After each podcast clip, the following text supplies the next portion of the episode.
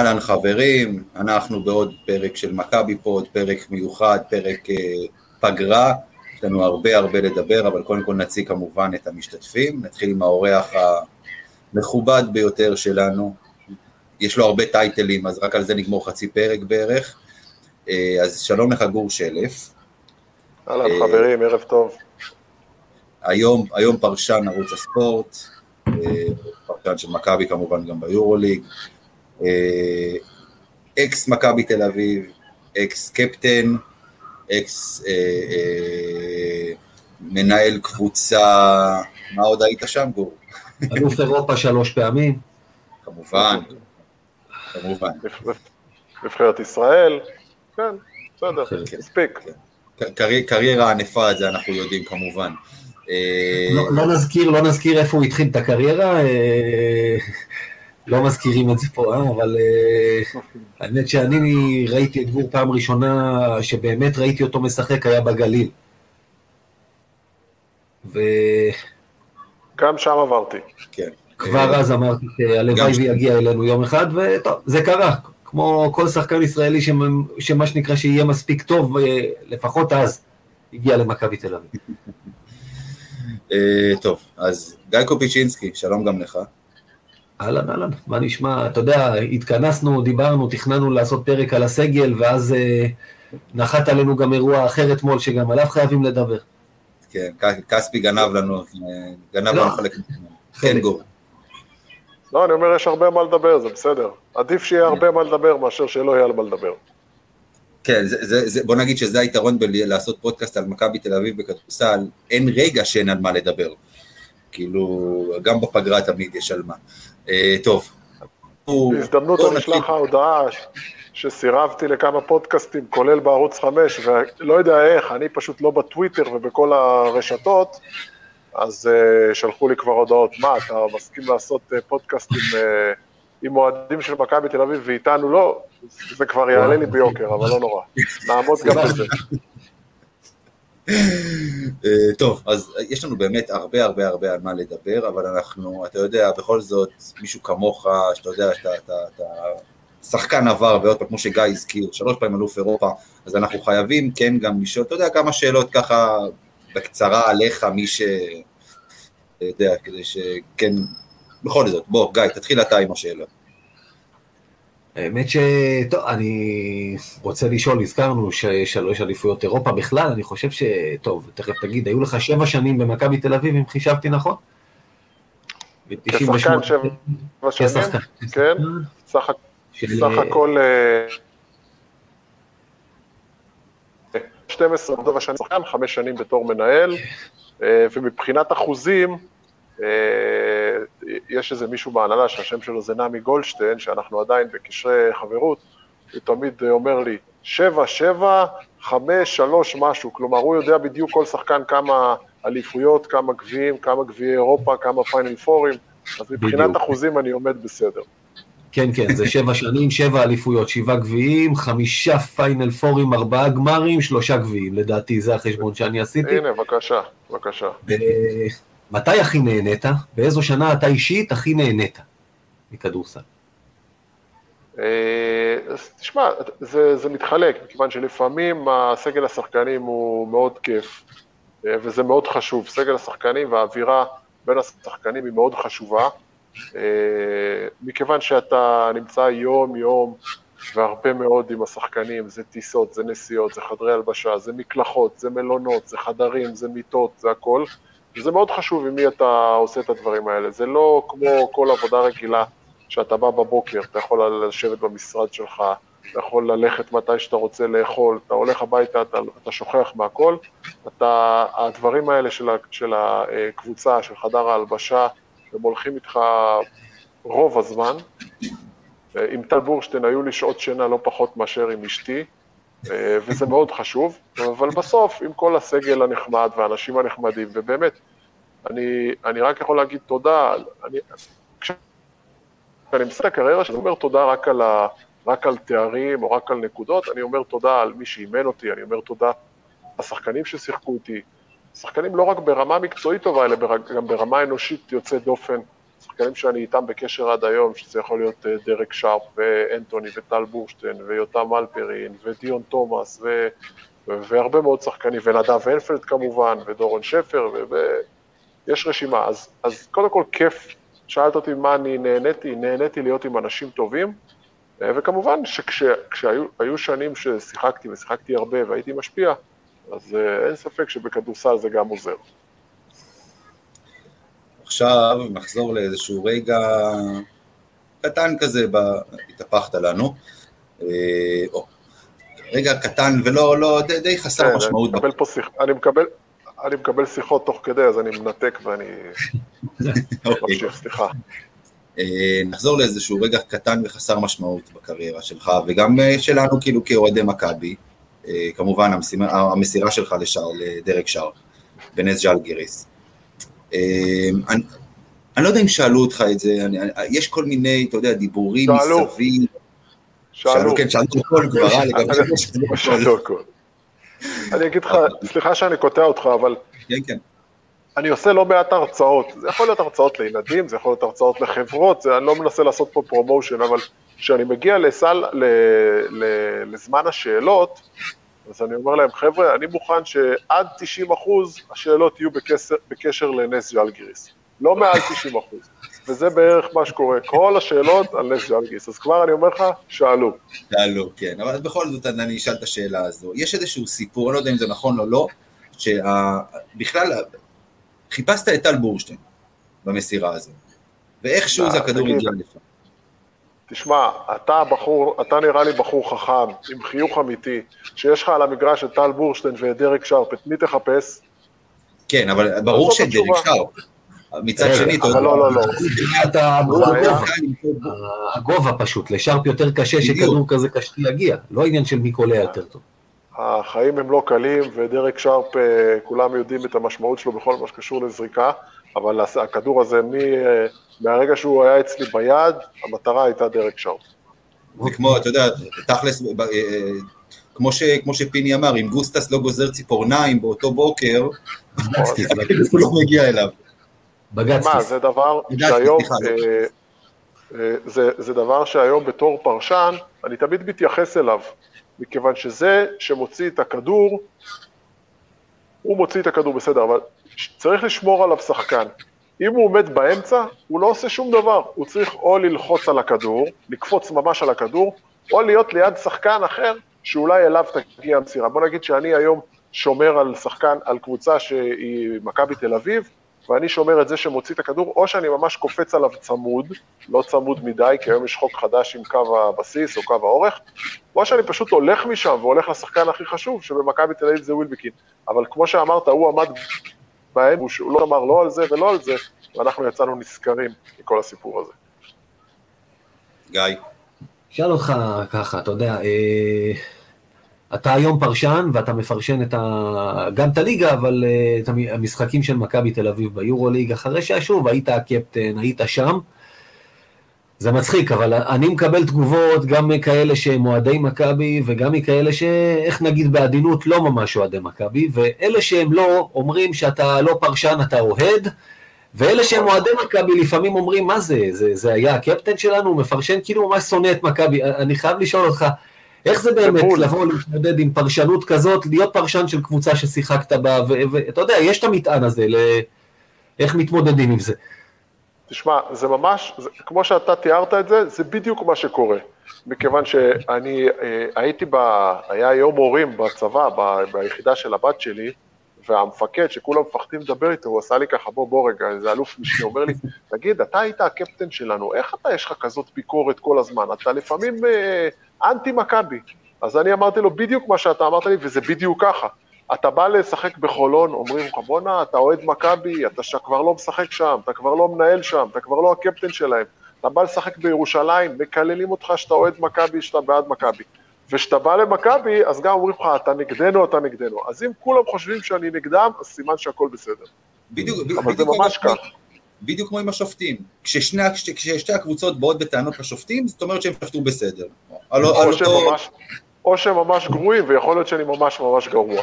אבל אוקיי. לא, אני אומר לך בשיא הכנות, שאני, אה, יש לי באמת, אני, אני, מכיוון שאני כל כך הרבה שנים בעסק, ואני מכיר כל כך הרבה אנשים, וזה לא משנה אם אני בירושלים, יש את יותם אלפרין, יגידו, אה, זה שיחק איתך, זה בין טיפוחים שלך. ובגל, ובגלבוע גליל יש את אבישי גורדון. ובירושלים היום המאמן זה אורן עמיאל, שיחק איתי שלוש שנים. ובמכבי תל אביב יש את uh, כולם שהם כמו חברים אחים שלי, מההנהלה ודרך uh, שחקנים ומנהלים וכו' וכו' וכו'. ואתה יודע מה, אני באמת משתדל להיות אובייקטיבי, אני משתדל שהביקורת שלי תהיה ביקורת מקצועית, אני, לא מש, אני מש, משתדל לא להיות בכל, בביקורת או ברכילות צהובה, וזה נכון לגבי כל קבוצה, ואתה יודע, אני, עוד פעם, אני, אני אומר, ושמעתי פעם את איציק זוהר מדבר על זה, על הפרשנות, הוא אומר שאתה בא להיות פרשן, שאתה פרשן, אז יש 40 אחוז מהאנשים שאוהבים אותך, 40 אחוז אנשים שלא אוהבים אותך, ואתה צריך לעבוד על ה-20 אחוז הנותרים. אז זה מאוד קשה, אבל אתה יודע, גם אנחנו במדינה שלנו, לכולם יש דעה, וכולם, אה, יש, אה, ביד אליהו יש עשרת אלפים פרשנים ועשרת אלפים מאמנים, אה, ועשרת אלפים טוויטר ועשרת אלפים כותבי טורים, אבל אני, אני רגיל, אני, אני הולך הביתה בסוף, אני נוסע הביתה יותר נכון, אני יושב עם עצמי ואני אומר, הייתי ככה, הייתי ככה, ואגב, ואגב, סליחה, גם אני לפעמים טועה ואני לפעמים אומר דברים שלפעמים אני יושב ואני אומר, אוקיי, את זה לא היית צריך להגיד. אוקיי, טוב. Uh, האמת שיש עוד מיליון ואחת שאלות, אבל אנחנו לא רוצים להיכנס פה עם ההקלטה לתוך הלילה, אז אנחנו, לפני שנדבר על הסגל שנבנה, באמת לעונה הבאה, אי אפשר לא להתייחס ל, ל, למה שהיה פה אתמול בעצם, uh, לפרישה הזו של עמרי כספי מכדורסל. ואנחנו כן רוצים לשמוע מהמקום שלך, כאילו איך אתה רואה את זה? כי יש ויכוחים אדירים, באמת, בכל כל קבוצה שקשורה לכדורסל, לספורט בכלל, יש את הוויכוח הזה של, לא יודע אם נגיד ויכוחים, דיונים, על האם כספי הוא הגד... הכדורסלן הגדול ביותר שגדל פה, אה, אה, אתה יודע, מבחינתך, איפה אתה רואה את כספי בהיסטוריה של הכדורסל הישראלי? אז קודם כל, לפני, שאתה, לפני שאני עונה על השאלה שלך, אני אגיד לך מה רץ אצלנו בתור אנשי כדורסל קצת ובגוורדיה שאני קצת משוחח איתה, וזה לא רק העניין של האם הוא באמת היה השחקן הכי גדול אה, שיצא פה או לא, או האם הוא היה צריך לפרוש או להמשיך עוד שנה. כי זה גם חלק אומרים ככה וחלק אומרים ככה, ואני אגיד, עוד מעט אסביר לכם למה אני חשוב לי להתייחס ל, ל, לעניין הזה, כי יש פה קצת ביקורת על המערכת, על המועדון שנקרא מכבי תל אביב. אז לעצם השאלה שלך, אני לא חושב ש... או יותר נכון, אני חושב שכספי לא היה השחקן אה, הכי גדול ש, שאי פעם קם לנו. אבל אני חושב שהקריירה שלו הייתה, ואמרתי את זה גם אתמול, היא הייתה ממש ממש קרובה, אולי הכי קרובה מכל מי שהיה פה אי פעם, מישהו שאי פעם שיחק פה כדורסל, היא הייתה קרובה למושלמת, הקריירה, אני מדבר על קריירה, מכיוון שאני מסתכל על מיצוי הפוטנציאל, ואני מדבר על מיצוי הפוטנציאל, הוא לא היה השחקן הכי מוכשר שגדל פה. יותם אלפרין היה שחקן יותר מוכשר ממנו, וליאור אליהו היה שחקן יותר מוכשר מבחינת כישרון ממנו. מסכים. וגם עודד, וגם עודד קטש היה שחקן יותר מוכשר, ואתה יודע מה? היו גם שחקנים מחוץ למכבי תל אביב, כן. שהיו יותר מוכשרים ממנו. אבל... במקרה של קטש אנחנו תמיד נשאל את עצמנו מה היה קורה אם זה לא היה נקטע מאוד מאוד מוקדם, אתה יודע, זה כן. לא פוטנציאל שלא מומש, בניגוד לכמה אחרים שאתה אומר הם אה, לא מיצו. כן, אבל אתה יודע, יש שיגידו שאם קטש היה משקיע קצת יותר בגוף שלו ומחזק אותו, אז אולי הוא לא היה נפצע, זאת אומרת שלכל דבר יש את הצד השני. אבל מה שכן נכון לגבי כספי, שהוא מיצה מעל 100% מהפוטנציאל שלו, כלומר, ביחס למה שיש לו, ביחס לכלייה שלו, ביחס ל, ל, ל, להקפצה שלו, ל, לרמת הכדרור שלו, ברמת סט היכולות והכישרון, הוא מיצה מעל מ-100%, והקריירה שלו, אני שוב אומר, היא קרובה למושלמת, ממש קרובה למושלמת. אני לא מסתכל לא על תארים ולא על נקודות ולא על הצלחה, אני מסתכל על מיצוי הפוטנציאל, והלוואי והיו לנו עוד כאלה, ומה שהכי יפה בקריירה של כספי היה הרעב להצליח והרצון להשתפר ולהתחזק ולהיות יותר טוב כל יום, וגם חוצפה חיובית שאנחנו מחפשים אצל אנשים. וזה הדבר, אה, זה הדבר, זה בהתייחס לשאלה שלך, אבל יש פה עוד עניין, והוא מאוד חשוב לי, אה, מאוד חשוב לי אה, לדבר עליו, מכיוון שמדובר במכבי תל אביב ובאוהדים של מכבי תל אביב. אני חושב שבקטע הזה מכבי תל אביב נופלת, המועדון מכבי תל אביב נופל, ולא בפעם הראשונה, עם שחקנים שהם סמלים. יותר מדי אנשים במכבי תל אביב עוזבים ככה בחצי, בפרצוף כזה חצי עקום, שכאילו דוחפים אותם, דוחפים אותם אה, לפרוש, וזה לא נראה טוב לעין, אני חושב שדעת הקהל פה היא, היא מאוד אה, חשובה. אה, יש פה משהו שהוא קצת, לי לפחות באופן אישי מאוד מציק. מכיוון שאנחנו רואים שחקנים... אתה אומר שמכבי דחפה אותו לפרישה? זאת אומרת שהיה... אני חושב שזה מובן, זה מובן לכולם. אה, אני חושב שבטח ביחס למועדונים אחרים, ראינו את, אה, ראינו את ספנוליס עד איזה גיל ובאיזה מצב, עד מתי אה, נתנו לו לשחק כל עוד הוא רוצה, ונברו בברצלונה, ועכשיו גסול, ופליפ רס בריאל מדריד, יותר מדי פעמים אנחנו מרגישים, תקנו אותי אם אני טועה, אולי אני טועה, אבל מרגישים שמכבי קצת דוחפת את השחקנים לפרוש. אני אגיד לך, תראה, קודם כל, מכבי תל אביב תמיד התנהלה, שזה מצחיק, כי אני דווקא אמרתי דברים אחרים לגמרי עכשיו, בפרק האחרון של סיכום עונה שאנחנו הקלטנו. שאמרתי שמכבי תל אביב תמיד התנהלה באיזושהי... אני מחפש את המילה הנכונה פה. כאילו שיקולים עסקיים קרים, אם זה למשל אנפלד, שזה סיפור מפורסם, ודווקא השנה אני הרגשתי שכאילו פתאום הם נהיו קצת מועדון חברים. אה, בוא נשאיר, אתה יודע, בנדר אה, לא נתן שנה ששחקנים יותר טובים ממנו, שנתנו קצת יותר, הם קיבלו שחרור מהמועדון, והוא דווקא שנפצע, ולמיטב ידיעתי הוא לא חתום לעונה הבאה. מכבי אמרה בוא נשאיר אותו ונשקם אותו, מה שנקרא, ונשאיר אותו עוד עונה. וכספי, כאילו מכבי, לפחות לפי הדיווחים, עוד פעם, אם היא ניסתה לשכנע אותו זה הגיוני, אבל ישבה וחיכתה למוצא פיו ולהחלטה שלו, ולא ניסתה לחתוך אותו באופן חד צדדי, אז אתה יודע, זה, זה דווקא, השנה זה דווקא הרגיש לי שפתאום זה נהיה קצת הפוך. אז קודם ו... כל, קודם כל, יש אמת בדבריך, מכיוון שמכבי תל אביב בסוף חיכתה אה, למוצא פיו של אה, כספי, אני מסכים איתך, ואגב, מכבי תל אביב, אם אתה שואל אותי, אז היא קצת, זה קצת היה לה קצת בראש, מה יגידו אם באמת זה יהיה אגרסיבי, או כמו שאתה אומר, צעד אה, חד צדדי. בכל מה שקשור לבנדר, אני חושב שזה לגיטימי אפילו שהוא לא אה, הצדיק את הפוטנציאל וקצת היה אכזבה, אני חושב שזה לגיטימי לקחת שחקן שנפצע אה, ולשקם אותו, זה לא איזה משאבים יוצאי דופן, ולנסות לעזור לו, מה גם שאנחנו כולם מודעים לקשר שבין, שבינו לבין ניקולה, אבל זה, זה בסדר גמור. אבל עוד פעם, אני, אני חושב שיש פה, פה איזה עניין עם שחקנים, במיוחד שחקנים ישראלים, שעוזבים או בכזה חצי פרצוף עקום, או שפשוט עוזבים את הקבוצה ומשחקים במקום אחר, ובשנים האחרונות מכבי תל אביב, לא יודע, נפרדה מליאור אליהו, שהלך והמשיך לשחק אה, לא רע בכלל בירושלים, ומיותם אלפרין, ומגיא פניני, אה, ומ... סליחה, ומיובל זוסמן, אז ככה זה עוד ועוד ועוד. ויוגב אוחיון, יש, יש רשימה גדולה, אתה יודע, אני חושב שמוותרים יותר מדי בקלות, אבל יכול להיות שזו דעה אישית שלי ואני לא אובייקטיבי בעניין הזה.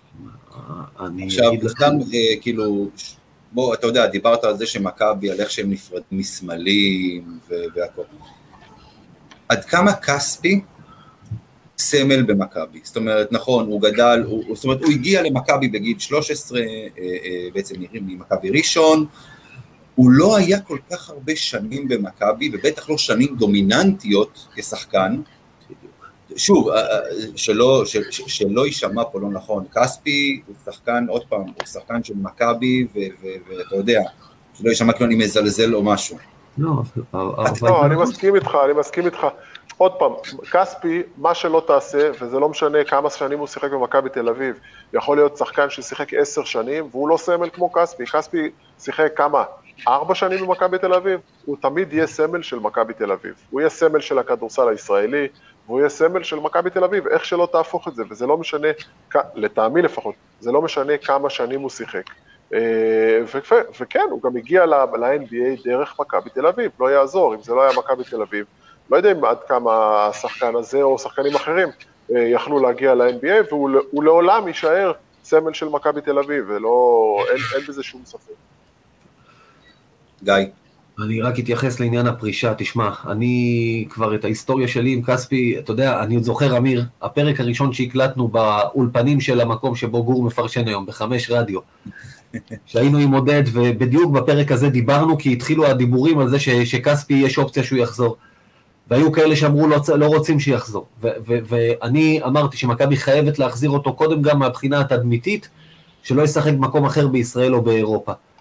ואני חשבתי שלכספי יש הרבה מה לתרום, והוא, והוא הוכיח את זה ב, ב, בתחילת העונה שעברה, לפני שהוא נפצע, לא שעברה, לא זאת שהסתיימה, אלא זאת שלפניה 19-20, הוא הוכיח את זה בצורה ענקית, מעל 11 נקודות, כמעט שישה ריבאונדים ביורוליג, הוא היה בכושר אדיר, אבל טוב, אתה יודע, כולם אמרו שהוא ייפצע, ואז הוא נפצע, אבל אחרי הפציעות, זה היה פשוט עצוב מבחינתי, אתה יודע, התחיל כל הלעג הזה, שאתה יודע, לפעמים גם אנחנו קצת השתתפנו בבדיחות, אה, בדיחות שחורות כאלה, אבל זה היה עצוב לראות את זה.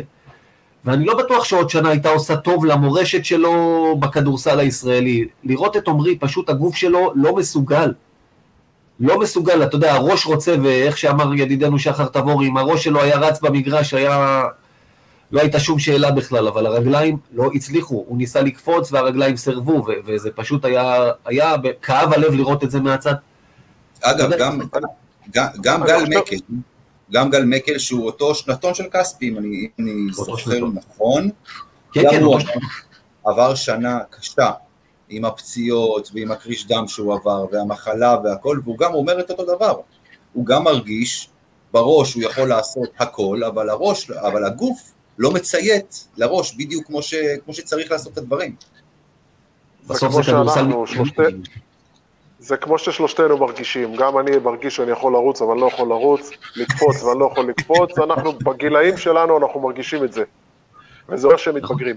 אני מסכים איתך בכל מה שאתה אומר, גם על מקל וגם על כספי, אבל אל תשכחו ותמיד שיהיה לכם כוכבית כזאת בצד, פיליפ פרס שיחק פרל עד גיל 40, והוא לא רץ יותר מהר מכספי, הוא לא קפץ יותר גבוה ממנו, וספנולי שיחק באולימפיאקוס עד, לא, לא עשו לו כל מיני אה, עניינים עם דקות משחק, וכן יפרוש ולא יפרוש, עד, יש שחקנים שאתה נותן להם לשחק עד שהם אומרים לך די, תשחררו אותי. ואני חושב שבדברים האלה קצת מכבי תל אביב צריכה איכשהו ללמוד ולעשות דברים יותר טובים. אוקיי, טוב. אה, אם יש, אם יש לך גם עוד משהו להגיד לגבי עמרי כספי, אז אה, בבקשה, אם לא, בוא נעבור לחלק אה, שלשמו נתכנסנו מלכתחילה. משהו גיא? בהצלחה, אתה יודע, זה, זה הכי חשוב. זה... ונגיד לו, לו תודה בכל זאת על, כמו שאמרת, במכבי תל אביב לא היה הרבה, אבל לכדורסל הישראלי, לזה שהוא גרם לנו להתרגש, שהוא נבחר בדראפט, ועל כל הקריירה הבאמת מדהימה שהוא עשה, שכמו שאמיר אמרת, התמונה שלו צריכה להיות לכל ילד שמשחק כדורסל, כי כמו שגור אמר, לא היה הכי מוכשר, הוא עבד הכי קשה מכולם, את זה אתה יכול ללמד את הילדים שלך, אתה לא יכול ללמד את הילד שלך תהיה הכי מוכשר, אבל תלמד את הילד שלך נכון. שאם תעבוד קשה ותקרא את התחת להגיע, להשיג את מה שאתה רוצה, אתה תשיג אותו, ורק בזכות זה אנחנו כולנו צריכים להגיד לו תודה רבה. זה, זה, זו הנקודה, זו הנקודה, להגיד לו תודה על הדוגמה שהוא שימש לנו, שאם אתה רוצה ואתה מתאמץ, אתה יכול. זה, זה, זה... אני מסכים איתך מאוד, אני מסכים איתך מאוד בעניין הזה, וזו נקודה מאוד מאוד חשובה, ולחלוטין צודק. אתה יודע, גם כשהוא הגיע, כשהוא הגיע ל-NBA, אני זוכר נכון, גם דיברו על זה שהוא בדיוק בין עמדות. הוא לא מספיק פיזי להיות ארבע, מצד שני הוא לא קולע מספיק טוב להיות שלוש, ובסוף הבן אדם שיפר את הכלייה מבחוץ והפך, והפך להיות שחקן רוטציה לגיטימי ב-NBA למשך עשור, אי אפשר להגיד, אי, אי אפשר לבקש ממנו יותר מזה. לחלוטין, עשר שנים, כן יכול, לא יכול, עשר שנים ב-NBA, כשממוצע השנים לשחקן NBA עומד על חמש שנים וחצי. אני, אני אישית לא חשבתי שהוא יהיה שם עשר, אני חשבתי שהוא ייתן שלוש-ארבע שנים, יחזור למכבי. אה, כן, בהחלט, עשר שנים אה, אי אפשר להתווכח עם זה. כן, טוב. אה, גור, עכשיו אנחנו נמשיך להשתמש בך כפרשן, ונעבור לדבר על הסגל אה, שמכבי בעצם בנתה לעונה הבאה. מה, מה כאילו, בוא נגיד ככה, קח את הסגל של העונה הנוכחית, שהולך ונבנה, וכנראה, עוד פעם, לפי הדיווח של ערוץ הספורט, האמת, ובעצם שכל האתרים, אם אני לא טועה, רומן סורקין בעצם קרוב לחתימה במכבי תל אביב. בואו נניח שהוא מגיע, בהשוואה לסגל של העונה הקודמת, גור. מה אתה יכול להגיד לנו על הסגל שלו? אז קודם כל, בקשר לעניין של רומן סורקין, אני דווקא חושב שמכבי תל אביב צריכה עוד איזה גארד, עוד כליאה, עוד הקפצה, ולא עוד שחקן גבוה, אה, אבל זה לא משנה מה אני חושב כרגע כמובן. אה, אני חושב שמכבי תל אביב הלכה... שנייה, גור, בהמשך למה שאתה אומר, הרי, הרי מחפשים פה ישראלי. בוא, בוא נצא מנקודת הנחה כן, שים הדר... כן? כן, גור, מה רצית להגיד? לא, אני אומר, נכון שמחפשים עוד שחקן ישראלי, מחפשים חמישה ישראלים, אבל כשאנחנו מסתכלים על אה, עמדות הגבוהים, אז יש שני זרים, סליחה, יש את שטולדס, ויש את דרק וויליאמס, נכון? ויש וגם קלויארו, אה, אגב, שאמור להיות בעמדה ארבע. קלויארו יכול לשחק בארבע, נניח, אבל עזוב, בלי קלויארו, יש את אה, עוז בלייזר שזה בארבע, וגם יש את ג'יי כהן. אז כאילו בתור גבוה שישי, לא יודע עד כמה בדיוק מי שצריך לבוא זה סורקין, אבל יכול להיות שזה, אה, שזה פשוט האופציה היחידה שקיימת, כי אין איזה מישהו אחר. אה, אה, אבל...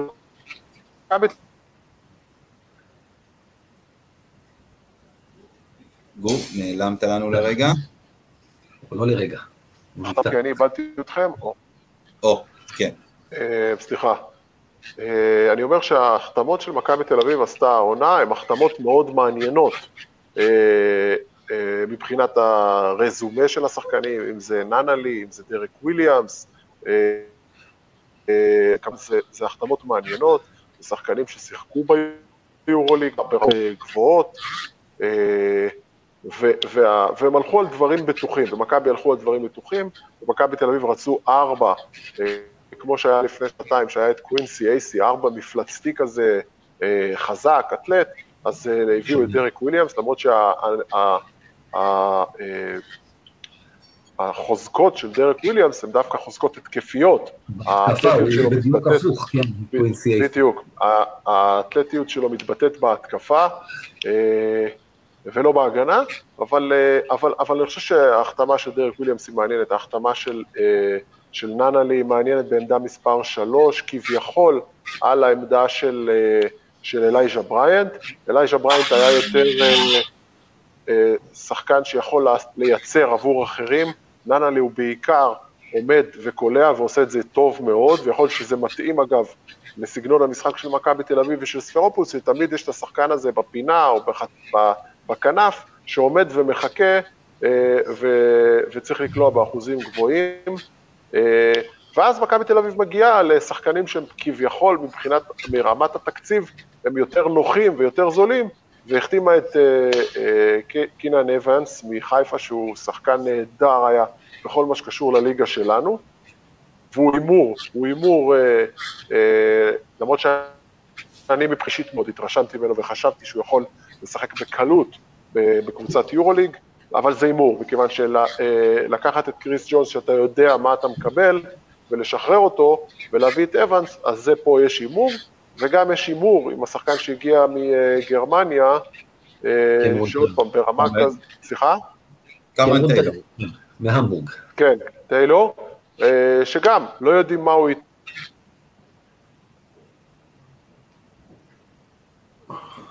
גור נקטע לנו שוב. אין קליטה במרכז הארץ, כן. למה? אני בצפון, אצלי זה בסדר. אה, לא, תמיד אמיר צוחק על כרמיאל שמתחברים בכבל ב-ADSL וכל מיני כאלה, אז דווקא חשבתי, הנה, אז אם אתה בצפון אז אוקיי, אז לא אמרתי כלום, כי זה נותן לו תחמושת. אני חלש מאוד בטכנולוגיה, ויכול להיות שהבעיה אצלי, אבל אה, אתם תגידו. אה, התחלתי כן, להגיד, זה בסדר? אוקיי. כן, כן. ובסוף, בשורה התחתונה, אה, אם סגנון המשחק של מכבי תל אביב יהיה אותו סגנון משחק שראינו בשנתיים האחרונות, שזה התקפות מאוד קצרות ומאוד ממוקדות, אה, אז בסוף שוב הכל ייפול אה, בידיים של סקוטי ווילבקין, ואת השאריות יהיו לשחקנים האחרים. והתחלתי לדבר גם על השחקנים, שכחתי כמובן את ריינולדס, שמכבי תל אביב שחררה אותו, והוא היה, פשוט, הוא היה, לא, הוא היה הכי בולט בביירן מינכן בשנה שעברה, אם אתם שואלים אותי. אני גם שמתי אותו בחמישיית העונה הסדירה עד הפלייאוף ביורלי. ממש הרוויח את זה ביושר. תראה, אני, אה, הפודקאסט הזה רץ כבר שנתיים וחצי, אה, ואני בערך מהיום הראשון חוזר ואומר שמכבי לא בונה קבוצה, כל הקבוצות, כל הסגלים שהיו למכבי בשנתיים וחצי האחרונות, הם לא קבוצות למשחק עומד.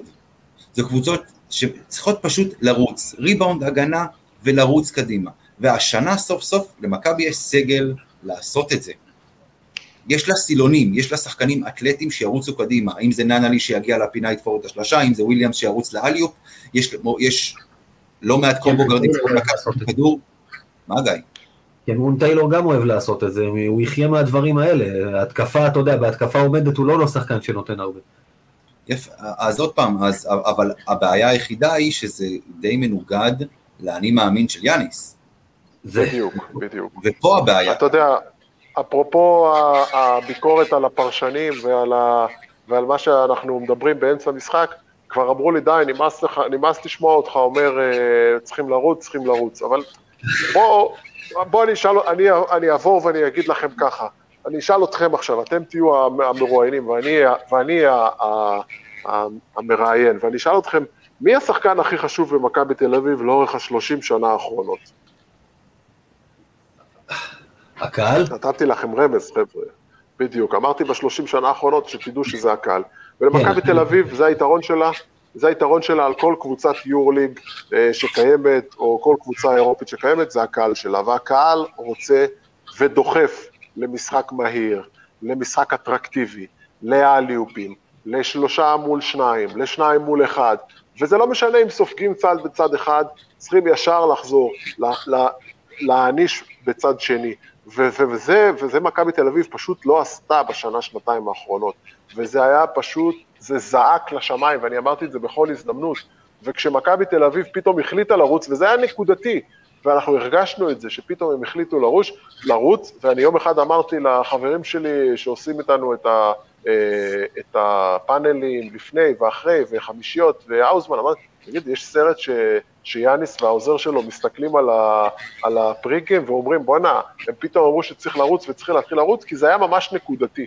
אבל מכבי תל אביב חייבת להיות קבוצה שלפחות בבית, וגם לא צריכה להתבייש לעשות את זה בחוץ, להיות קבוצה של 85 נקודות ומעלה.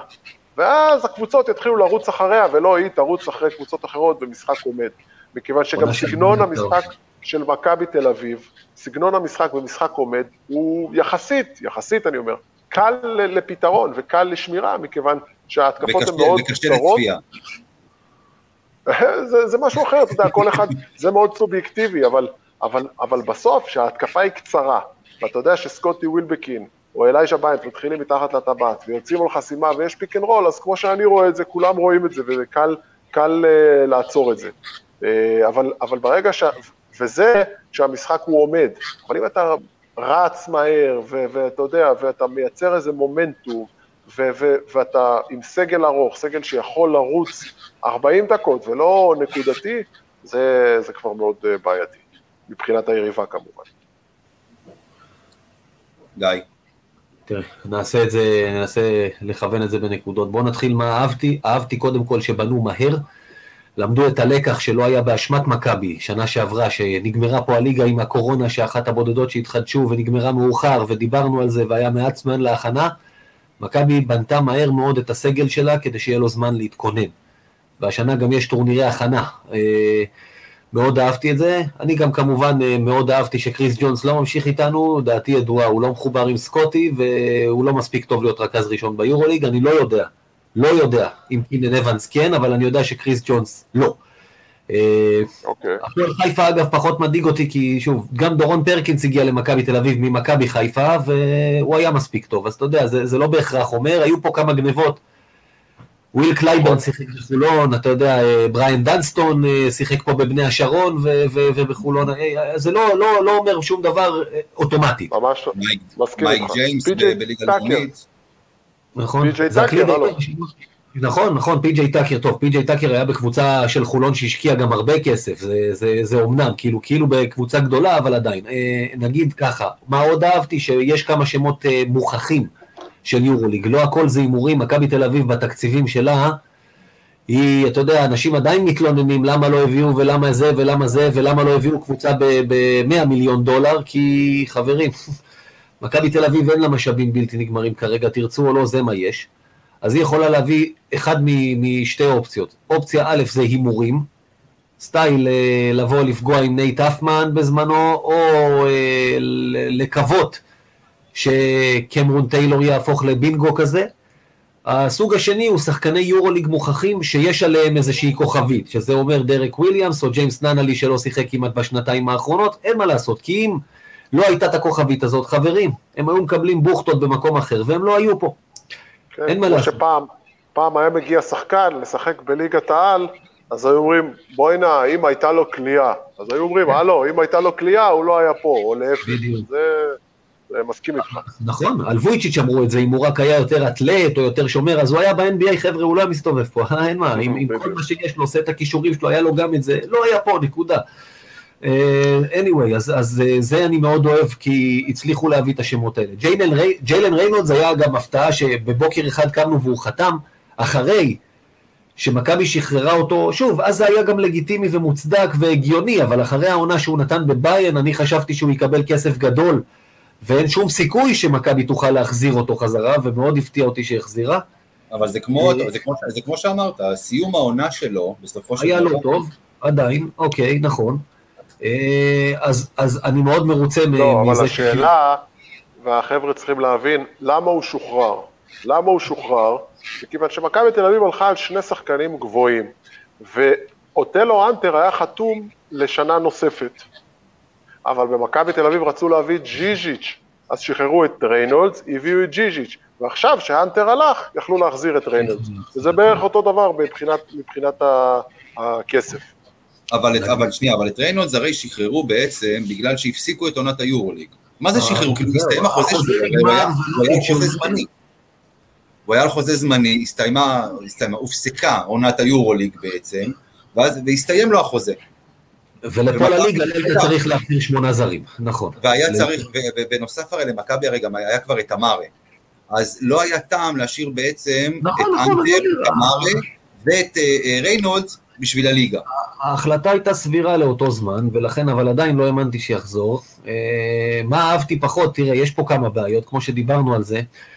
היה ויש לך את הגבוהים ריינולדס וז'יז'יץ', אז אה, הארבע שהיה צריך לבוא היה צריך להיות, אה, כמו שיאיר זרצקי אמר, rim protector כזה, סגנון קווינסי אייסי, ודרק וויליאמס הוא לא כזה, הוא קפיץ והוא אתלט, אבל כמו שגור אמר, עושה את זה בהתקפה.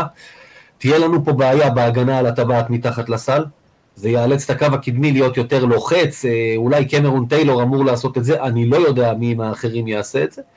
מה שפחות גם, דבר שני, איבדנו מהכוח אש שלנו בחוץ, אה, בעמדה 2. דורסי. איבד, איבדנו את דורסי ואת בריין שנה שעברה, אחד אחרי השני, ומכבי לא ממש הביאה להם תחליפים.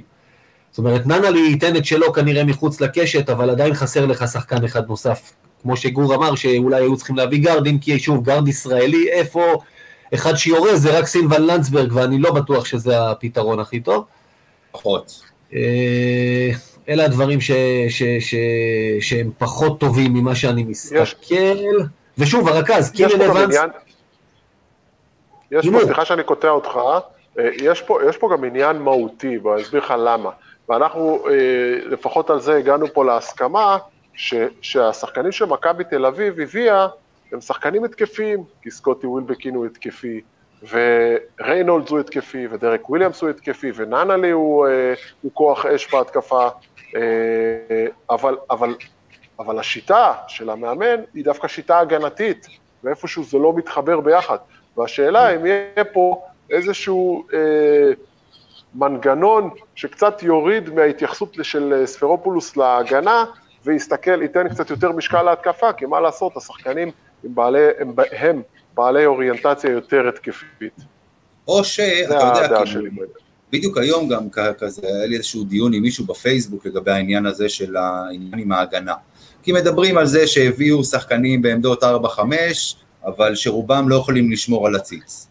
אני לא כך אוהב את הביטוי הזה, אבל זו דעתם של כן, אנשים. אבל אני, בסוף הגנה זה גם עניין של רצון ועניין של טקטיקה. זה לא רק יכולת של אה, לקפוץ ולשבת נמוך על הרגליים, זה המון המון, זה- אה, רצ... אה, המון, המון אה, מחשבה בראש, אה, טקטיקה ורצון.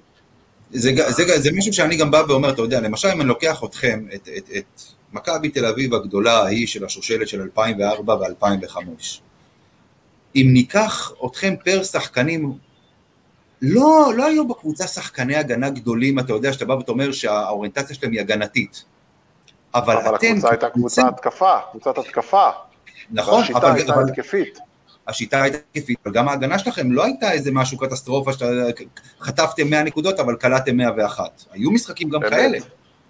אבל אמת, היו משחקים. ששמרתם כמו שצריך.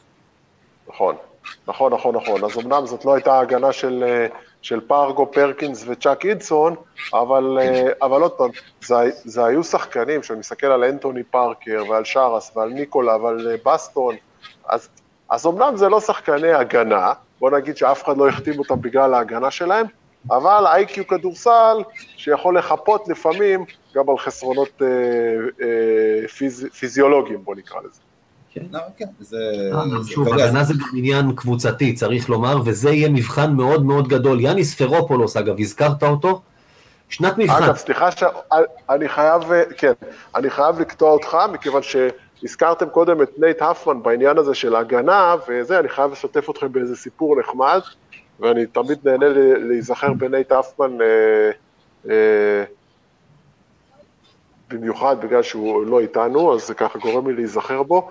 היה איזה משחק אחד, שדייוויד בלאט נכנס לחדר הלבשה, אני חושב שזה היה זורן סאביץ', הוא אחד השחקנים, והוא אמר לו, נייט, אתה לא שומר, כמובן הכל באנגלית של פרינסטון, אתה לא שומר, אתה לא פה, אתה לא שם, יש לו 15 נקודות בחצי.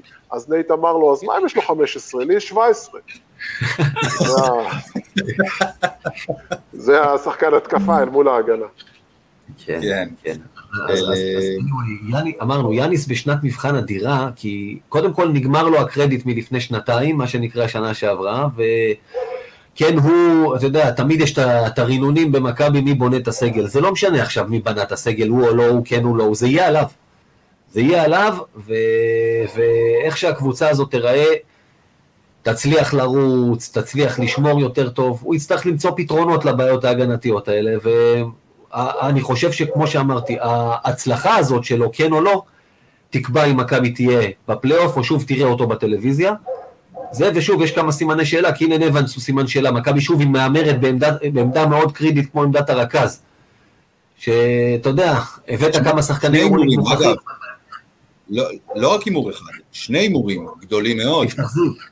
כן. כמובן. בקיצור, בעמדה אולי הכי חשובה בכדורסל, זה המקום אולי להביא את השחקן המוכח, ומכבי לא עשתה את זה, אולי כי רכז יותר קשה להביא, כי זה יותר כסף, רכז מוכח ואולי. ו... כן, אבל בסוף, בסוף סקוטי ווילבקין משחק במכבי תל אביב בעמדה מספר אחת. אה, וזה יכול להיות אה, ליד קינן אבנס, או ליד יפתח זיו, או, או בלי שניהם, והוא יתחיל בעמדה מספר אחת, ואתה לא יכול לשים את כל הז'וטונים שלך על אה, עמדה אחת, ז'וטון בדמות אה, ווילבקין, אז קשה להביא, אתה יודע, רכז אה, ברמת אה, יורוליג מוכח, עם, עם גם יכולות, גם ניסיון, כי זה, במסגרת התקציב של מכבי תל אביב זה מאוד בעייתי. אוקיי, בואו, דיברנו ככה, ככה באמת על הסגל ועל הכל וזה, בואו, אני, אני עכשיו רוצה לדבר איתך, גור, על הישראלים. אה, על יובל זוסמן אנחנו נסיים לדבר על הסגל ונדבר עליו בנפרד, אבל מן הסתם גם פה צריך להזכיר אותו. אה, שאין עדיין הודעה רשמית, אבל אה, כל מי שקצת אה, בעניינים מבין שבמכבי הוא לא יהיה בעונה הבאה, זה די ברור כבר. מכבי בעצם כרגע, באופן רשמי, עם ארבעה ישראלים בכיר- בכירים, כמו, כמו שקוראים לזה, ג'ק כהן, ג'ון די, עוז בלייזר ויפתח זיו. אתה רואה מישהו מהם ש... אה, אתה יודע, ש... כמו שאומרים באנגלית, סטפ אפ, הוא לוקח על עצמו יותר, הוא מוביל את מכבי מעבר לסקוטי ווילבקין כמובן, הוא יעשה, אתה יודע, מישהו מהישראלים שיבוא. שאפשר לבוא ולהגיד שיש ישראלי בכיר שעושה את העבודה ביורוליג? אה, מבחינתי העבודה של הישראלים זה לאו דווקא אה, עבודה step-up על הפרקט, וזה אני חושב שבסוף מי שמחזיק ומי שהחזיק חדרי הלבשה במכבי תל אביב, וציינתי את זה קודם, בסוף זה ישראלים בכירים, וזה יכול להיות כספי, וזה יכול להיות הנפלד, וזה יכול להיות מוטי דניאל, וזה יכול להיות אה, ליאור אליהו או פניני, אה, זה יכול להיות טל בורשטיין, ובמכבי תל אביב אין את הישראלי, זה א', בגלל שכמעט ואין ישראלים, וב', בגלל שהישראלים הם חסרי ניסיון, ועדיין, וגם התפקיד המקצועי שלהם הוא לא כזה קריטי בשביל שהם יוכלו להחזיק את הכל. להגיד לך שהישראלים, ויש ישראלים שאני מאוד אוהב במכבי תל אביב, גם יפתח זיו וגם בלייזר וגם ג'יי כהן וגם uh, דיברטולומיאו, אבל אני לא יודע עד כמה הם יהיו באמת כוח משמעותי, גם מבחינה מקצועית וגם מבחינת חדר הלבשה. דיברו, לפני שנתיים דיברו על ג'ק כהן כמישהו שלחלוטין הוא, הוא, הוא, הוא מה שנקרא, הוא איש בחדר ההלבשה. למרות שהתפקיד שלו במכבי ביורוליג, שוב, יורוליג, אני מדבר פר יורוליג, לא היה תפקיד מרכזי במיוחד. מבחינת האופי לג'יי כהן יש את זה, אני מאוד מעריך אותו בתור uh, בן אדם, uh, אישיותית, uh, אבל אתה יודע, הלך, חזר, הדברים קצת השתנו, uh, אני חושב שבסוף מי שמחזיק את העניינים, מי שיחזיק את העניינים זה סקוטי ווילבקין ו... וחבורתו החדשה, יש לומר. גיא. כן, אה, אני חושב שבקבוצה, אה, אם אתה מסתכל על הקבוצה כמכלול, מכבי התחזקה לעומת עונה שעברה, בישראלים, נכון לעכשיו, עד שלא יוכח אחרת, נחלשנו.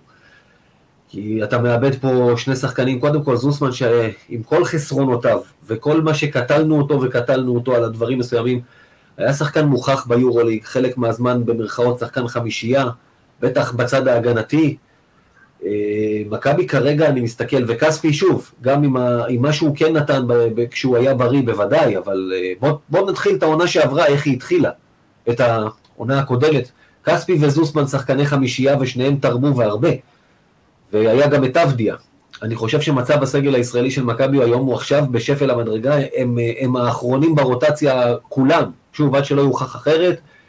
אה, יפתח זיו יהיה מאוד מעניין לראות, כי הוא שחקן שצריך את הכדור, ואני לא יודע כמה הוא יראה אותו במכבי, זאת אומרת, אה, בגלבוע יכולת לראות אותו פשוט במאני טיים, מזיז את הגארדים הזרים שאיתו, את תומאסון ואת קזינס, אומר שלי עכשיו, אני לא יודע כמה ייתנו לו את זה במכבי, וכמה הוא גם ינסה מה שנקרא לקחת בכוח במצבים האלה. אה, שמעתי את אחד הפרשנים אומר שאם יפתח זיו ייקח את הכדור המכריע במכבי, הוא לא ייקח יותר כדור בחיים שלו. זה חובת ההוכחה, כמו שאמרנו. אמרת נכון, הוא צריך לקחת, כי אף אחד לא ייתן לו. אף אחד לא ייתן לו. אה, כן. אני מסכים איתכם לחלוטין שמצב הישראלים במכבי תל אביב אה, הוא לא, לא מי יודע מה, ואני מסתכל פה רגע, אני בא רגע מהצד של מכבי תל אביב, ואני אומר לעצמי, רגע, מלבד זוסמן, שבאמת אה, אנחנו לא יודעים אם מכבי לא עשתה מאמצים להשאיר אותו, או שהוא פשוט לא רצה להישאר והלך, אבל איזה ישראלי מכבי תל אביב יכולה להביא, או איזה ישראלי טוב יש שהיא יכולה להביא והיא לא הביאה, אז אתה יודע, אני מנסה להסתכל מסביב ואני לא כל כך מוצא. אה, אבל אני חושב... הרי ים הדר מסתכל על ה-NBA, נועם דוברת לא יגיע למכבי, גם אם לא. לא, לא יודע כמה, איזה מזוודה של כסף. הוא לא יגיע. אני תחת חוזה בהפועל תל אביב, ואני לא רואה אותם משחררים אותו למכבי, מה שנקרא, כל עוד הוא תחת חוזה, לשנה הזאת הוא לא היה לא, אופציה לא ריאלית, צריך להגיד את האמת. יפה. אני חושב שהיו שנים שמכבי תל אביב, אז נכון, ים הדר, יש פה כמובן את העניין של מכבי והפועל, אפשר להבין אגב את שני הצדדים, אבל אם אני מסתכל על נועם דוברת, אז uh, היו שנים שבמכבי תל אביב, אם היא הייתה רוצה מישהו, הוא היה, הוא היה מגיע אליה. נכון. וכנראה שהיא לא רצתה מספיק, שזה גם בסדר. אבל אה, יש פה איזה עניין, חבר'ה, יש פה איזה עניין עם הישראלים, תשימו לב, ש... ואגב, זה, זה סיפור מאוד מעניין, שגם בזה אני, אם יהיה לנו זמן אני אגע, אה, בסיפור שזה מתקשר לזה שמכבי תל אביב משתחררת כל שנה מאיזה ישראלי בכיר בשבע, שמונה שנים האחרונות, ודיברנו על זה קודם, זה היה ליאור אליהו, השתחררו ממנו, ואלפרין השתחררו ממנו, ופניני, ו- ויוגב אוחיון, ו- וכספי ו- ואני לא יודע עוד מי. אה, ויש פה סיפור מעניין ואני אספר לכם למה, אה, מכיוון שאני אה, אני שמעתי ש, ש, שהיה עניין כזה גם בפנתנייקוס. ואני לא יודע אם הסיפור הזה הוא נכון, אבל הוא מאוד מזכיר לי את העניין של מכבי תל אביב, מכיוון שבפנתנייקוס, הזרים שהיו שנה שעברה, הם היו זרים יחסית זולים, כי את רוב התקציב לקחו השחקנים המקומיים. ובפנתנייקוס לא רצו לעשות את השינוי הזה, ובאמת להגיד, אוקיי, בואו נשחרר איזה שחקן מקומי, יתפנה לנו כסף לשחקן זר יותר אה, טוב, בתקציב יותר גדול, כי לא רצו לאבד שחקן מקומי כזה או אחר לאולימפיאקוס או לקבוצה אחרת. שם מאוד מאוד אה, חשוב, עניין הפטריוטיות הוא מאוד מאוד חשוב, זה אגב דחיפה של הקהל, ויש שאומרים שזאת הסיבה שקטש לא המשיך, מכיוון שהוא רצה לשחרר אה, שחקן, אולי אפילו שניים מהמקומיים, ועל חשבונם להביא שחקנים זרים, ולא נתנו לו לעשות את זה. אה, ולצערי, זה בדיוק הפוך ממה שקורה בשנים האחרונות במכבי תל אביב.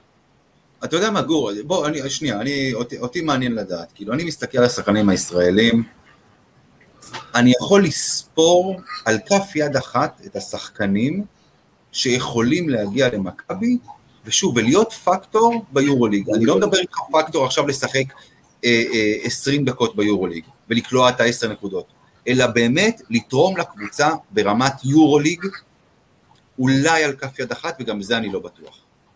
אה, קודם כל, כף יד אחת זה מספיק, מכיוון שאתה לא צריך יותר משלושה ארבעה. אה, אבל כולם תחת חוזה, כולם תחת חוזה. אם מסתכלים על ים אתר, נועם דוברת, תומר גינת. דני אבדיה. יופי, כן. לא, לא, ברור, אבל אה, אני, אני, אני, אני אגיד שוב מה שאמרתי, שבשנים עברו שום חוזה ושום דבר לא עניין את מכבי תל אביב, כשהבעלים של מכבי תל אביב רצה שחקן, לא משנה מי זה, ואם אפשר לשלם buy-out על שחקנים אמריקאים כמו ווילבקין, כמו סוני וויימס, כמו כאלה ואחרים בכוכב האדום בלגרד, אז אפשר לשלם buy-out גם לראשון לציון או לקבוצות אחרות. ואגב, אפשר להוסיף גם את מקל לרשימה של השחקנים הישראלים ש... ששוחררו ממכבי תל אביב. כן, אבל, אה, אבל מקל, אוחיון ופניני שוחררו כולם אחרי אותה עונה קטסטרופלית ש...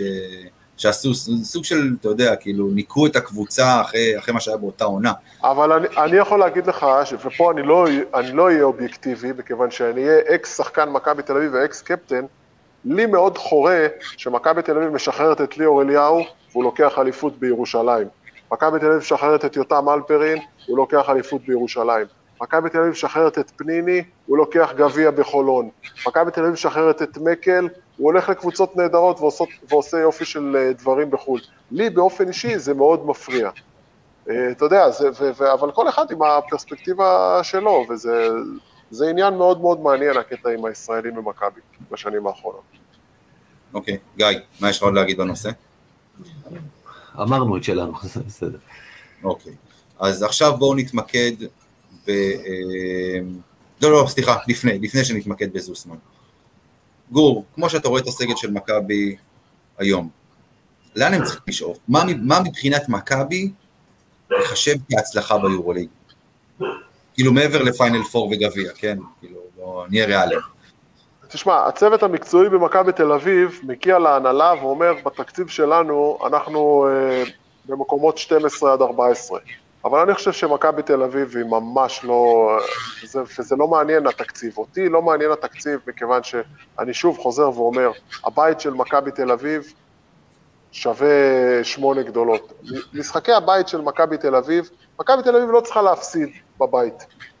נכון שיש קבוצות אה, על ביורוליג שאפשר לתרום איזה משחק פה, שם, אבל מכבי תל אביב, משחק ביתי צריך להיות משחק מאסט. ולכן, כשאני מסתכל על המשחקים הביתיים, פלוס איזה כמה משחקים בחוץ שאתה מנצח, מכבי תל אביב צריכה לשאוף לשמונה הגדולות בלי בכלל, בלי ספק.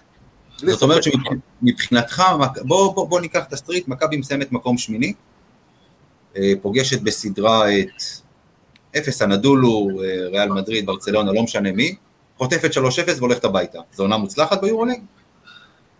קודם כל, זה, אני תמיד מסתכל על הדרך ולא על התוצאה. כי יכול להיות שאתה מפסיד 3-0, כמו שמכבי תל אביב לפני כמה שנים, עם תאו פפאלוקס ויוגב אוחיון, אתם זוכרים את הסדרה מול פנתנייקוס? שבסוף הפסדנו אותה, אבל הדרך הייתה דרך מדהימה, ואתה יודע, אתה מפסיד, אבל אתה עם הראש למעלה, מאשר, אתה יודע, להגיע ב... זו הייתה סדרה של 3-2, לא עם המשחק החמישי. כן, כן, כן, 3 כן, כן, כן, כן, אבל אתה יודע, זה יכול להיות באותה, באותה סיטואציה, זה יכול להיות גם 3-0, אבל 3-0 שאתה הולך זקוף, אה, וגם הדרך להגיע למקום שמיני, אז יש דרך טובה ודרך פחות טובה, ואני מסתכל על הדרך, ו- ואני חושב ש... אבל אם אתה מסתכל, אם אתה רואה, אם הדרך היא טובה, מקום שמיני, לפגוש את אחת המעצמות, מקום שמיני, סליחה, לפגוש את אחת המעצמות ולהפסיד 3-1, 3-0, זו עונה בסדר גמור לטעמי ביחס לתקציב. שלא okay. אוקיי. לדבר על זה שאם פתאום מגיעים לפיינל 4 בדרך כזו או אחרת, ואז אנחנו יודעים ששם הכל, אה, כבר לא מסתכלים על תקציב ושחקנים.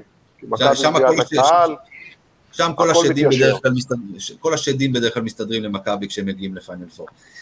בדיוק. גיא. תראה, קודם כל, אה, איך שאני רואה את זה, יש שש קבוצות, ברצלונה, ריאל מדריד, צסקה, אה, מילאנו ושתי הטורקיות שיצליחו ויהיו בפנים. זה משאיר שתי מקומות, שעליהם יילחמו לפחות מכבי ועוד חמש ועוד שש. סטטיסטית הסיכויים נגדנו, כי זה עניין של שוב, אחוזים, יש למכבי 30 אחוז להיות בתוך הפלייאוף הזה, ולכן מכבי תילחם על המקומות 7-8, ואני, אם אתה אומר לי עכשיו, תחתום על מקום שמיני ו-3-0, אני חותם עליו, כי אחרי כל כך הרבה שנים ללא פלייאוף, מכבי חייבת להגיע לשם. אל תדבר איתי על פיינל פור, צריך להפוך קודם כל חזרה לקבוצה שמגיעה באופן קבוע לפלייאוף, ואחרי זה נתקדם. כי מכבי... לא, לא, ברור, אני לא, לא דיברתי באופן ספציפי על הפלייאוף, על הפיינל פור, אבל אני אמרתי שאתה יודע שבסיטואציה כזו או אחרת, אגב, אה, אה, אני מסכים איתך, אני לא חושב ש... אני חושב שמילאנו לא בטוחה כל כך בשמינייה, תמיד יש איזושהי קבוצת, אה, קבוצה עם תקציב גדול, שבסוף, אתה יודע, עושה, סליחה על הביטוי, פיפי במכנסיים ולא נכנסת לשמינייה. זו בדרך כלל מילאנו, אבל זו בדרך כלל. אני הייתי מהמר דווקא על פנרבכצ'ה. פנרבכצ'ה השנה, היא מאבדת עכשיו את המאמן שלה, אה, שהולך להיות עוזר של ג'ייסון קיד בדאלאס, ומביאה כנראה את אלכסנדר ג'ורג'וביץ', לפי מה שקראתי וראיתי. אז אתה יודע, יש הפתעות, אני חושב שמכבי תל אביב, בוא נגיד, בוא נקרא לזה, שווה מקום 6 אה, עד 9, אם נקרא לזה ככה. אוקיי. אוקיי. אבל עוד פעם, אני, אני מסתכל על הדברים אחרת, אני פחות מסתכל על הסגל, אני מסתכל על, על מועדון, על מגרש ביתי, על כל הדברים האלה. תשמע, מבחינת מועדון ומגרש ביתי, מכבי צריכה לסיים מקום 4-5. אה, תשמע, כן, כן. זה ההבדל, אה, יד אליהו לפני שנתיים עשה את ההבדל, הנה, 13-1 בבית, שנה שעברה 9-8 וזה נזקי הקורונה. והכל אנחנו יוצאים מנקודת הנחה שעוד פעם, ההתחדשות של הקורונה לא עוד פעם תפוצץ לנו את העסק, כי אז אה, הבית הוא כבר לא בית ואנחנו מדברים אחרת. אם הכל בסדר ויש תפוסה מלאה, יד אליהו, כמו שיאניס הוא במבחן, יד אליהו חייב להיות פקטור, ומכבי תל אביב חייבת לשמור על הבית. בחוץ זה יהיה הרבה יותר קשה, ושוב, פלייאוף או לא פלייאוף יהיה מאוד מאוד תלוי אם הבית יהיה כמו לפני שנתיים. זה כמו שסרג'ו קוסטנזה אמר בגבעת חלפון, אם יש פה מלחמה, זה הורס לי את כל העסק. בדיוק. דופק לי את כל העסק. דופק לי את כל אה, העסק, בדיוק. אה, אני מסכים איתך על המגרש הביתי, אה, אני חושב שמכבי תל אביב, הקהל של מכבי תל אביב כמובן היה לפני יאניס ויהיה אחרי יאניס, אבל אנחנו לא שוכחים שגם במגרשים אחרים יהיה קהל, וזה קהל באולימפיאקוס, קהל בפנתנייקוס, קהל כמובן, אתה יודע, בלגרד, טורקיה, יש קהלים. כן, כן, כן, יש קהלים. וטוב, וטוב שיש קהלים. טוב. טוב, אז דיברנו קודם על הסגל של דיברנו על הסגל של מכבי, דיברנו על הסגל הישראלי של מכבי, אז לפני שאנחנו מסיימים אנחנו נתייחס ספציפית ליובל זוסמן. אה, שחקן שגדל במועדון, שחקן שהיו ממנו ציפיות, יודע מה, עזוב היו, אני מדבר בשמי. וגיא יודע שהוא גיא שותף שלי פה במכבי פה כבר שנתיים וחצי, וקיללנו פה את זוסמן לא מעט, ולא מתוך מקום רע, מתוך מקום של יש לא. לא קיללנו, ביקרנו, לא היו קללות אצלנו על זוסמן. לא קללות במובן של זה כמובן, אני בדיוק מסביר, זה, זה הגיע מתוך מקום של יש לו את הנתונים, יש לו את הכישרון, וזה לא יוצא, זה לא מתפוצץ, מלבד משחק פה, משחק שם, אתה יודע, כאילו, אני, אני ראיתי את זוסמן מקרוב בגמר הגביע השנה למשל נגד ראשון, ואני רואה את הנתונים הפיזיים שלו, את הידיים שלו, ואני אומר, תן לי חצי, תן לי חצי. הייתי, גיא לא יודע, אני הייתי פעם שחקן כדורסל. ואתה יודע, כאילו, תן לי חצי, חצי ממה שיש לו, אני, אני, אני, אני, אני הייתי הקפטן של מכבי. זה כמו שחבר שלי אומר, תן לילד שלי את הגובה שלך, או להפך, או בצד שני אומר, תן לי את יותם אלפרין לשבועיים בטירונות של שלדג אצלנו, אני אראה לך מה זה. תן לי אותו לשבועיים טירונות שלדג. אז כן. מכיר, אני מכיר את התן לי הזה. תראו, אה, אני, אני לא, מצ... לא הצלחתי להיות אובייקטיבי בקטע של יובל זוסמן מכמה וכמה סיבות. אחת, הוא באמת, אה, הוא, הוא בחור, אחלה בחור, באמת, אתה רוצה כאלה אנשים איתך בחדר ההלבשה. שקט, צנוע, לא עושה בלאגן, באמת, נותן את הכל. אה, כמובן, ישראלי, מהשחקנים הטובים שצמחו פה מבחינת נתונים ופוטנציאל, נבחרות ישראל, הכל, כל הנתונים שם, כל הנתונים מונחים, ואיפשהו זה לא הגיע. אז יש לזה כמה סיבות לטעמי, והסיבות האלה מתחלקות חצי בחצי, כמו שאוהבים להגיד, גם אשמתו וגם לא אשמתו. ומבחינת אה, זוסמן תמיד באמת היה חסר את ה... עוד להכניס את זה להילוך ולהתחיל לנסוע, כי איפשהו הרגשנו שהוא כאילו עומד במקום, ואת הדרייב הזה, וגם אם, אם, אם, אם, זה, אם זה אומר לקחת כדור שלא קשור לתרגיל, ואם זה ללכת לתוך, הד... לתוך הטבעת בהטבעה, ואני באופן אישי מאוד מאוד חיכיתי לזה, וזה לא הגיע. ומצד שני, יש את הקטע ש... של סגנון המשחק. סגנון המשחק במכבי תל אביב אפשר לשחקנים שהם לא שחקני pick and roll, וזוסמן לא היה היחיד ביניהם שנפגע מזה, השחקנים האלה הם, הם כביכול עומדים קצת בצד, עומדים קצת בצד, מסתכלים, ולא תמיד יכולים להביא את היכולות שלהם לידי ביטוי, ואגב ראינו את זה לא מעט גם מאלייז'ה בריין, שהיו משחקים שהוא פשוט עמד בצד והסתכל, אה, והיו משחקים שהוא פשוט לקח בכוח את הכדור, לפעמים זה הלך לו ולפעמים לא.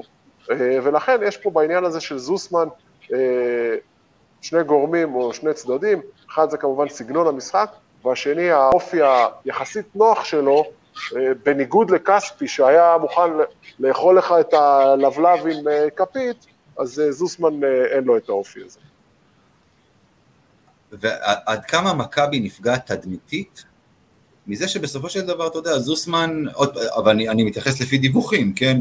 זוסמן בא ואמר למכבי, תוותרו על הזכות שלכם להשוות את ההצעה, תנו לי ללכת. בדיוק. let my people go, מה שנקרא. תשמע, אני מכיר קצת את המועדון, ואני חושב שאם מכבי תל אביב באמת הייתה רוצה את זוסמן, הייתה רוצה אותו מבחינה מקצועית, וחושבת שהוא אה, בורג חשוב מאוד מאוד, אז אה, היא הייתה עושה את כל המאמצים, וזוסמן כבר היה שחקן מכבי תל אביב. אני חושב שהיא באמת חשבה על דעת הקהל ולא על העניין המקצועי, ולכן היא השאירה פה איזשהו פתח שהוא יישאר.